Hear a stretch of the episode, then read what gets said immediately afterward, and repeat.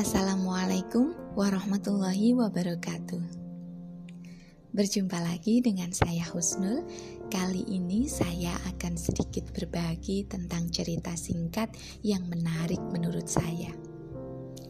Diawali dari bagaimana cara mengetahui telur yang mentah dan yang matang. Tentu mudah dengan cara membenturkan keduanya, maka kita akan melihat telur yang masih mentah yang belum direbus akan lebih rapuh dan mudah pecah. Tetapi telur yang sudah matang, sudah melalui proses perebusan akan jauh lebih kokoh dan kuat. Begitu pula dengan kehidupan.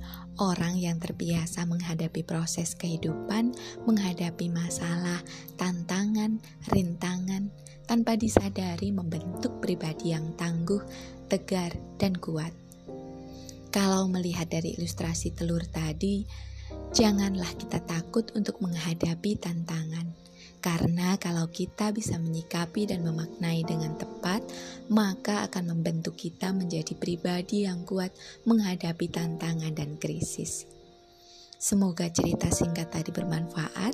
Terima kasih. Wassalamualaikum warahmatullahi wabarakatuh.